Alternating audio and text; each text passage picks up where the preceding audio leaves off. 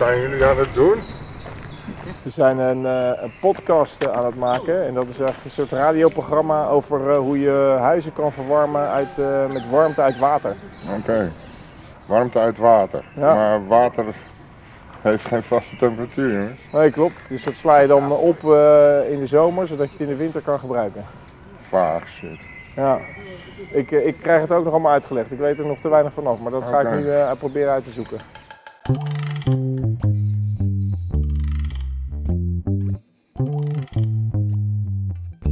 We zeggen als het eh, ergens kan, kan het hier.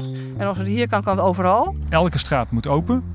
En je zult ook merken dat er in heel veel van die panden eh, ook nog leidingen getrokken moeten worden. Eigenlijk hebben we alle alternatieven nodig die er zijn. Want het is gewoon een, een enorme opgave waar we voor staan.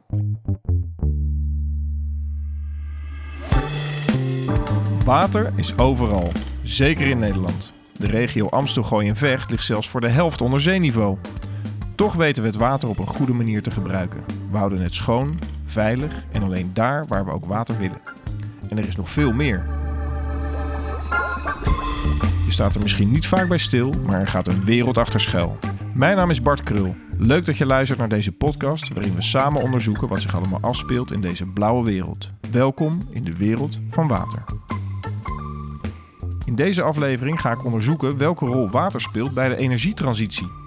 Want in 2015 spraken 195 landen in Parijs af om de aarde met maximaal 2 graden te verwarmen. En liefst met anderhalve graad. L'accord de Paris pour le climat est accepté. Dat ging gepaard met gejuich en met tranen. Maar wat heeft water hiermee te maken?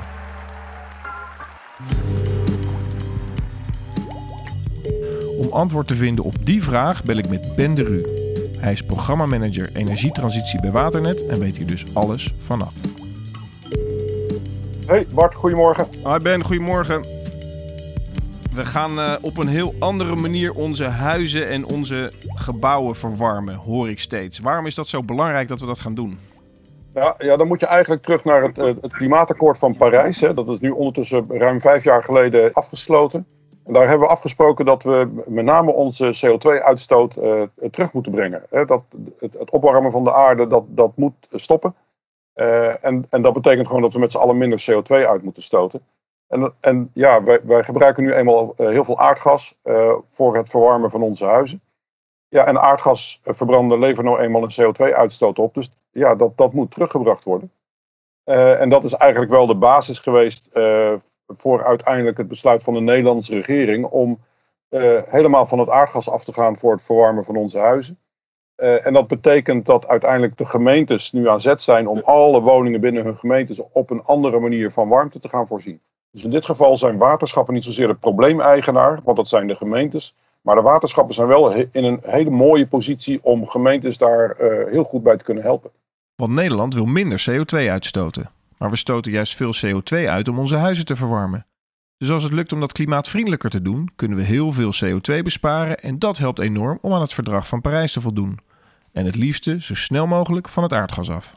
Nou, daar hebben we voor gezegd dat het in 2050 zover moet zijn. En er zijn een aantal gemeentes, zoals de gemeente Amsterdam, die nog ambitieuzer zijn. Die willen zelfs in 2040 al van het aardgas af. Daar hebben we met z'n allen dus heel veel werk te doen. Eh, want dat is, dat is een enorme opgave. En hoe ziet dat er dan uit? Want dan willen we niet meer van het aardgas af. We waren er ontzettend blij mee. We hebben de hele, eh, alle leidingen en de hele infrastructuur daarop ingericht. En nu zijn we dan op zoek naar andere ja, warmtebronnen, kan ik me voorstellen. Hoe, hoe, gaat, hoe gaat dat totaalpakket er dan uitzien in de toekomst? Voor het waterschap is natuurlijk de, de warmte die we vanuit het water kunnen leveren het, uh, het meest interessant. Hè? Warmte uit afvalwater, warmte uit oppervlaktewater. Maar daarnaast zijn er natuurlijk nog legio andere mogelijkheden. Uh, de traditionele stadswarmtesystemen, als je die kan verduurzamen, zijn heel mooi. Uh, geothermie, groen gas, waterstof wordt zelfs wel eens genoemd. En ik denk dat we om deze opgave voor elkaar te krijgen, hebben we eigenlijk al die systemen nodig. Er zal niet één systeem zijn voor heel Nederland, zoals we dat ooit met aardgas hebben gedaan. Maar eigenlijk hebben we alle alternatieven nodig die er zijn. Want het is gewoon een, een enorme opgave waar we voor staan. Een van de paradepaardjes van het waterschap is de groen gasinstallatie op de rioolwaterzuivering in Amsterdam-West. Maar wat is groen gas precies? Groen gas is aardgas wat op een duurzame manier is opgewekt. Uh, dat is dan ook geen aardgas meer. Het is gas van aardgaskwaliteit. Ehm, en hoe dat werkt is dat op rioolwaterzuiveringen eh, ontstaat zuiveringsslip. Als je dat gaat vergisten, eh, ontstaat er biogas. En biogas ehm, bestaat voor een groot gedeelte uit methaan. En methaan is ook eh, aardgas. Dus als je dat biogas eh, opwerkt, eh, schoonmaakt, alle verontreinigingen eruit haalt, de CO2 eruit haalt, dan hou je eigenlijk aardgaskwaliteit over. Deze groengasinstallatie is goed voor het verwarmen van 8000 woningen. En dat staat gelijk aan de uitstoot van 11.000 auto's. Dat is al heel wat, maar daarbij ben je er nog niet. Voor elke wijk, straat en soms zelfs voor elk huis gaat de duurzame oplossing er anders uitzien. Echt maatwerk dus. Ja, klopt eh, Bart. Als je kijkt naar het, het, het halen van warmte uit oppervlaktewater, niet alle woningen liggen in de buurt van oppervlaktewater. Eh, dus ja, dan, dan, moet je op zoek naar een ander alternatief. Dus het zal heel erg afhankelijk zijn van de locatie, de mogelijkheden van die locatie, eh, bewonersinitiatieven. nou, er zijn, er zijn legio aspecten die, die eigenlijk gaan bepalen welke, ja, welke warmtebron daar voor dat gebied de voorkeur heeft. Een van de meest veelbelovende technologieën voor Nederland is aquathermie. Om daar meer over te weten te komen spreek ik met Stefan Mol van Waternet. Hij doet er al 15 jaar onderzoek naar, dus als iemand het me kan vertellen, is hij het wel. Dus vertel op Stefan, wat is dat? Aquathermie. Aquathermie is eigenlijk het principe dat je gebruik gaat maken van warmte die in water zit. En dan zijn er eh, drie smaken. Je hebt warmte in oppervlaktewater zitten, dat noemen we dan THEO, thermische energie uit oppervlaktewater. En daarnaast heb je nog afvalwater en drinkwater, dus dan krijg je THEA en TET. En dan heb je eh, eh, warmte die in water zit. Nou, dat is over het algemeen in de zomer iets meer dan 20 graden. In de winter een stuk kouder. We kunnen soms schaatsen op eh, water. Hoe gaat dat dan mijn huis verwarmen? Ja, dat is eigenlijk een hele wonderlijke techniek. Want je hebt helemaal gelijk. Die warmte die in, in dat water zit van nature in de zomer. Nou ja, doe, doe eens gek. In een oppervlaktewater misschien zelfs een keer 25 graden. Maar daar kun je nog steeds je huis niet mee verwarmen. Dus daar moet altijd iets tussen. Daar moet een warmtepomp tussen. En een warmtepomp is een, een, een apparaat dat de warmte uit dat oppervlaktewater weet te, te concentreren, feitelijk, te verpompen en te concentreren naar een temperatuur waarmee je wel je huis kunt verwarmen. Iedereen heeft trouwens al een warmtepomp in huis in de vorm van een ijskast. Deze zet warme lucht om in koude lucht. De warmtepomp die je huis gaat verwarmen werkt precies andersom. Dus als het nodig is, kun je vanaf 25 graden oppervlaktewater, kun je zelfs 70 graden CV-water maken. Oké, dus dat, dat, dat water zelf stroomt niet mijn huis in door de buizen. Je haalt alleen de warmte eruit. Klopt. En dat doe je dan in de zomer, want dan is het water warm. Maar ik heb het in de winter nodig. Hoe gaat dat dan? Ja, nee, goed dat je het vraagt, want er zit nog een tussenstap uh, tussen. Als je de hele warmteketen zou schetsen, dan begin je uh, met die warmte in de zomer in het oppervlaktewater. Die ga je eruit halen door het water langs een ijzeren plaat te leiden, een warmtewisselaar. En aan de andere kant laat je er grondwater langs lopen. En waarom nou grondwater? Nou Amsterdam heeft uh, een hele mooie ondergrondse uh, grondlaag die helemaal vol zit met water. En dat is eigenlijk een soort batterij, een warmtebatterij. Als je die warmte uit dat oppervlaktewater in dat grondwater weet over te nemen, dan kun je dat bewaren tot de winter. Dus het koude grondwater wordt verwarmd door er in de zomer warm oppervlaktewater langs te laten stromen. Zo ga je van 11 naar 15 graden. Dat lijkt een klein verschil, maar het maakt heel veel uit. En in de winter haal je dat warmere grondwater dan weer omhoog. Dat bied je aan aan die warmtepomp. En die warmtepomp weet daar warmte uit te onttrekken en aan te bieden op 70 graden. Of als jij bijvoorbeeld vloerverwarming hebt, hoeft het maar 35 graden te zijn. Zo werkt dat ongeveer. Ja. En uh, nu gaat er ook ongeveer 70 graden hè, vanuit de cv-ketel door mijn, uh, door mijn leidingen. Waarom doen we niet allemaal dan 70 graden? Dan, dan, dan hoeven we in huis zo min mogelijk aan te passen. Is dat dan niet veel makkelijker? Nou, we zijn natuurlijk bezig om te proberen op een zo duurzaam mogelijke manier van het uh, aardgas af te komen. Als die warmtepomp een hele grote temperatuurstap moet maken, hè, dus van 15 graden uit, uit dat grondwater naar 70 graden voor jouw cv-systeem ja, dan heeft die warmtepomp het best moeilijk. Dat betekent dat hij daar best veel uh, elektriciteit voor verbruikt.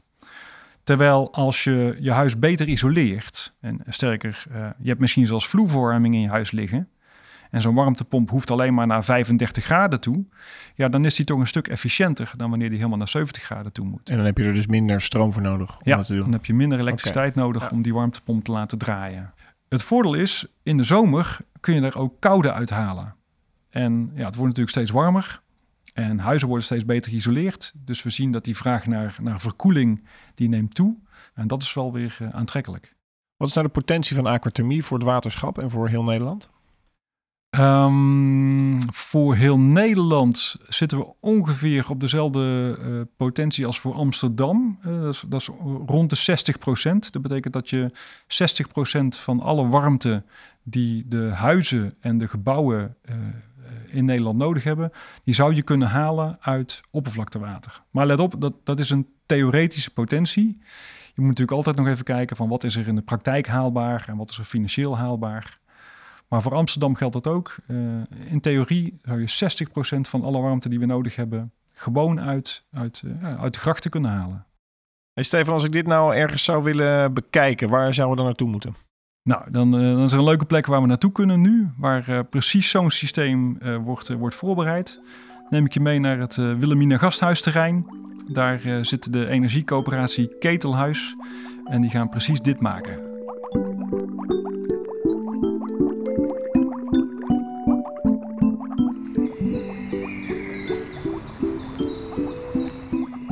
Dit is een, uh, een oud ziekenhuisterrein, het Wilhelmina Gasthuisterrein. En uh, ja, het is natuurlijk al lang geen ziekenhuis meer, dus het is uh, getransformeerd tot een, tot een woon-werkgebied. Dus je hebt hier heel veel appartementen en, en, kleine bedrijfjes. En die, ja, die, de mensen die wonen en werken hier. Het is een oase. Ja, het is, het is prachtig hier. Ik heb bijna het idee dat ik in een dierentuin sta. Ja, ja, we moeten even op zoek naar het water. Hè? Een stukje, stukje die kant op. Naar welk water lopen we eigenlijk? We lopen richting het uh, Jacob van Lennep kanaal.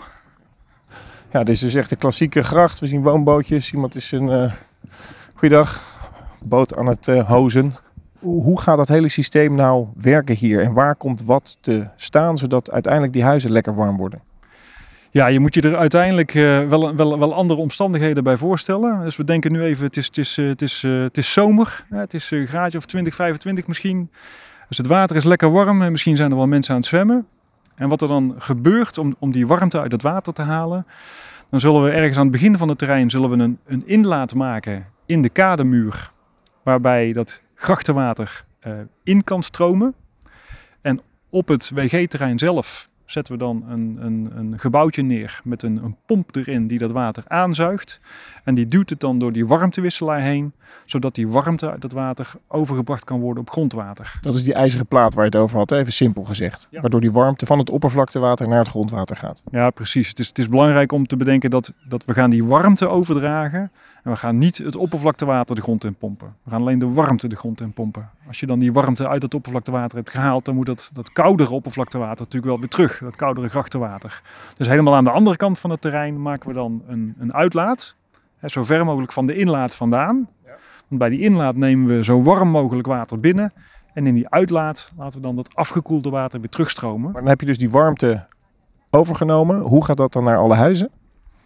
Nou, op het moment dat je het uh, overgenomen hebt, eerst in dat grondwater, dan zul je in dat, in dat gebouwtje wat daarvoor staat, zul je ook weer pompen hebben staan om zwinters dat grondwater weer terug omhoog te pompen. Moeten er dan nog veel leidingen worden aangelegd? Gaat hier de grond open? Ja, ja want op dit moment uh, liggen natuurlijk alleen maar gasleidingen.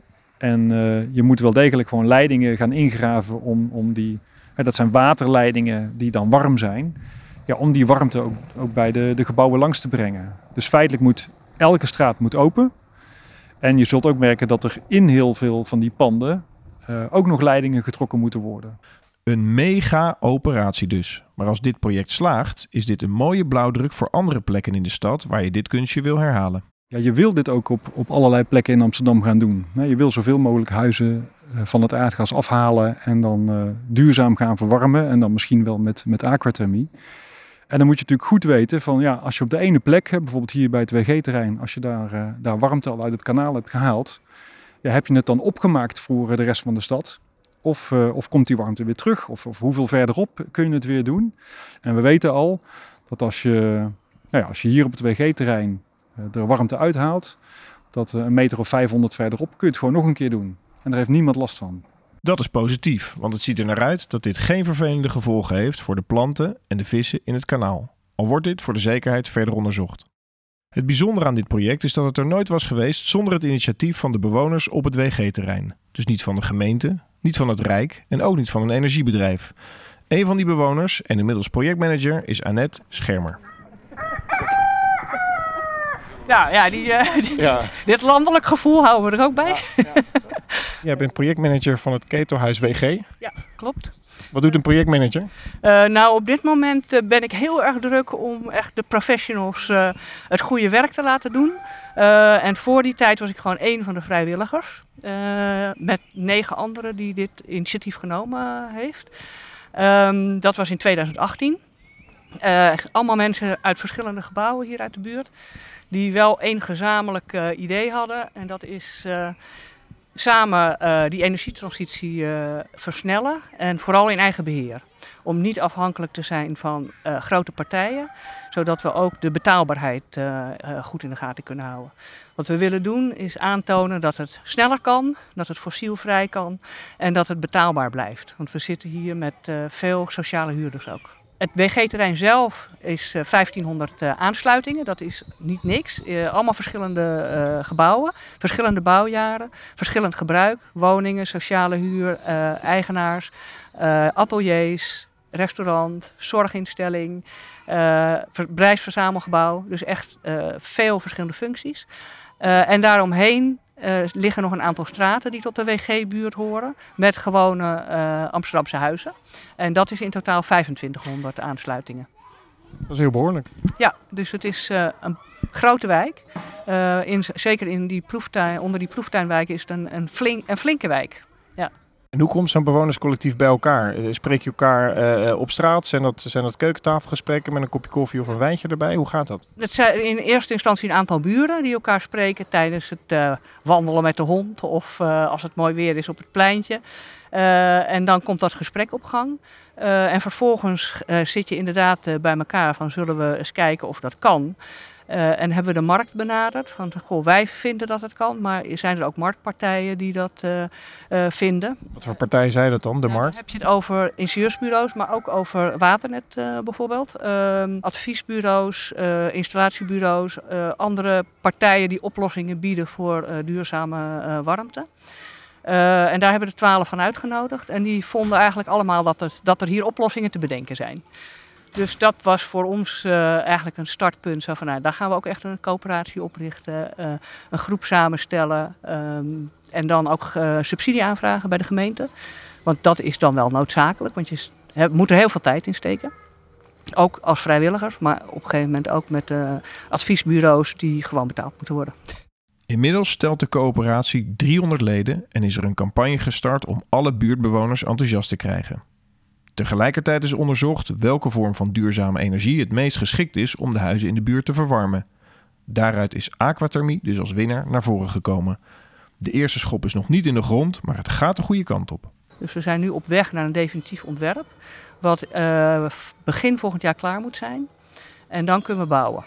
En lukt het om mensen geen hogere energiekosten te geven? Want dat is al wat gezegd hè, door de politiek. De hele transitie moet ervoor zorgen dat mensen niet ontzettend veel aan, aan, aan energie eh, kwijt eh, zijn. Gaat het jullie hier lukken? Nou, dat, eh, dat lukt op het moment dat je ehm, de, de, de, het onrendabele stukje met zo'n proeftuinbijdrage van het Rijk kunt wegnemen. Eh, en ook maximaal gebruik maakt van de mogelijkheden die er zijn om ehm, die gebouwmaatregelen te subsidiëren. Dan zou het moeten kunnen lukken. Er moet dus nog wel wat geld bij, maar de aanpak van deze bewoners lijkt aan te slaan. Dat blijkt wel uit de interesse van andere buurten binnen en buiten Amsterdam. Maar wat is nu de nummer 1 tip van Annette voor bewoners die hier zelf mee aan de slag willen? Eh, heel duidelijk van tevoren weten wat je wilt. Eh, en vooral de zeggenschap in eigen hand houden. Zodat je eh, daarmee een duidelijke eh, positie hebt richting je buurtbewoners. Maar ook richting belangenpartijen. Wat kan er verkeerd gaan als je dat niet doet? Dan, als je niet heel duidelijk een, een positie hebt, kun je moeilijk onderhandelen over wat je, wat je wilt. En dan nemen anderen het makkelijker over.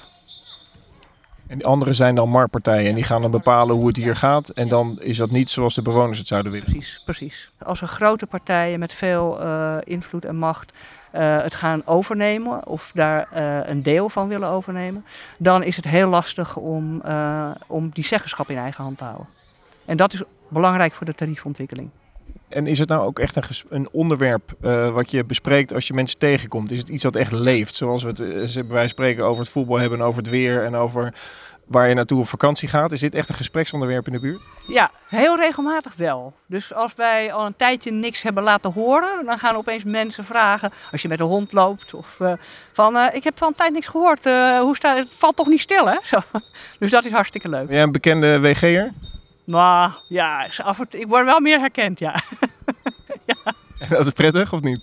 Eh, ik vind dat heel leuk. Ik weet niet of ik het straks nog leuk vind als we echt warmte leveren en mensen het af en toe te koud hebben. Of dus dat moeten we zien te voorkomen. Ja.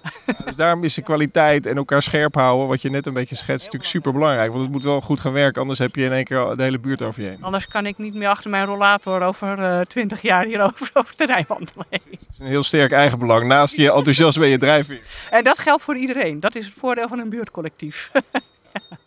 Als het aan dit buurtcollectief ligt, is de energiehuishouding hier over 10 tot 20 jaar volledig anders. Ja, idealiter hebben we dan natuurlijk die, eh, dat warmtenet gerealiseerd. Met zo weinig mogelijk energieverbruik, zodat je nog meer mensen in de wijk kunt aansluiten. Eh, de elektriciteit volledig eh, vergroend.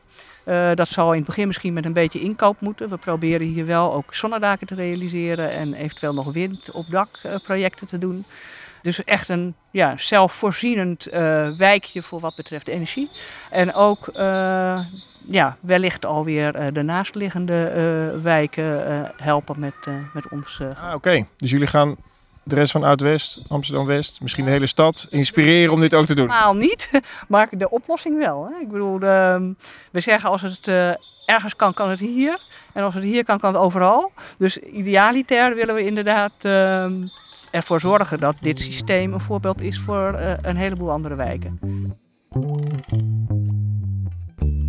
Benieuwd hoe het verder gaat met dit project? Volg het op de voet via de website ketelhuiswg.nl. En woon je in Amsterdam en wil je weten of het water bij jou in de buurt warm genoeg is voor aquathermie? Kijk dan op omgevingswarmte.nl/slash waternet. Dit was de tweede aflevering van de Wereld van Water over de energietransitie en aquathermie. Volgende keer ga ik onderzoeken hoe we ons zo goed mogelijk kunnen wapenen tegen de hitte en de hoosbuien die de laatste jaren steeds vaker voorkomen. Oftewel, zonnebril op, lieslaarzen aan en tot de volgende keer.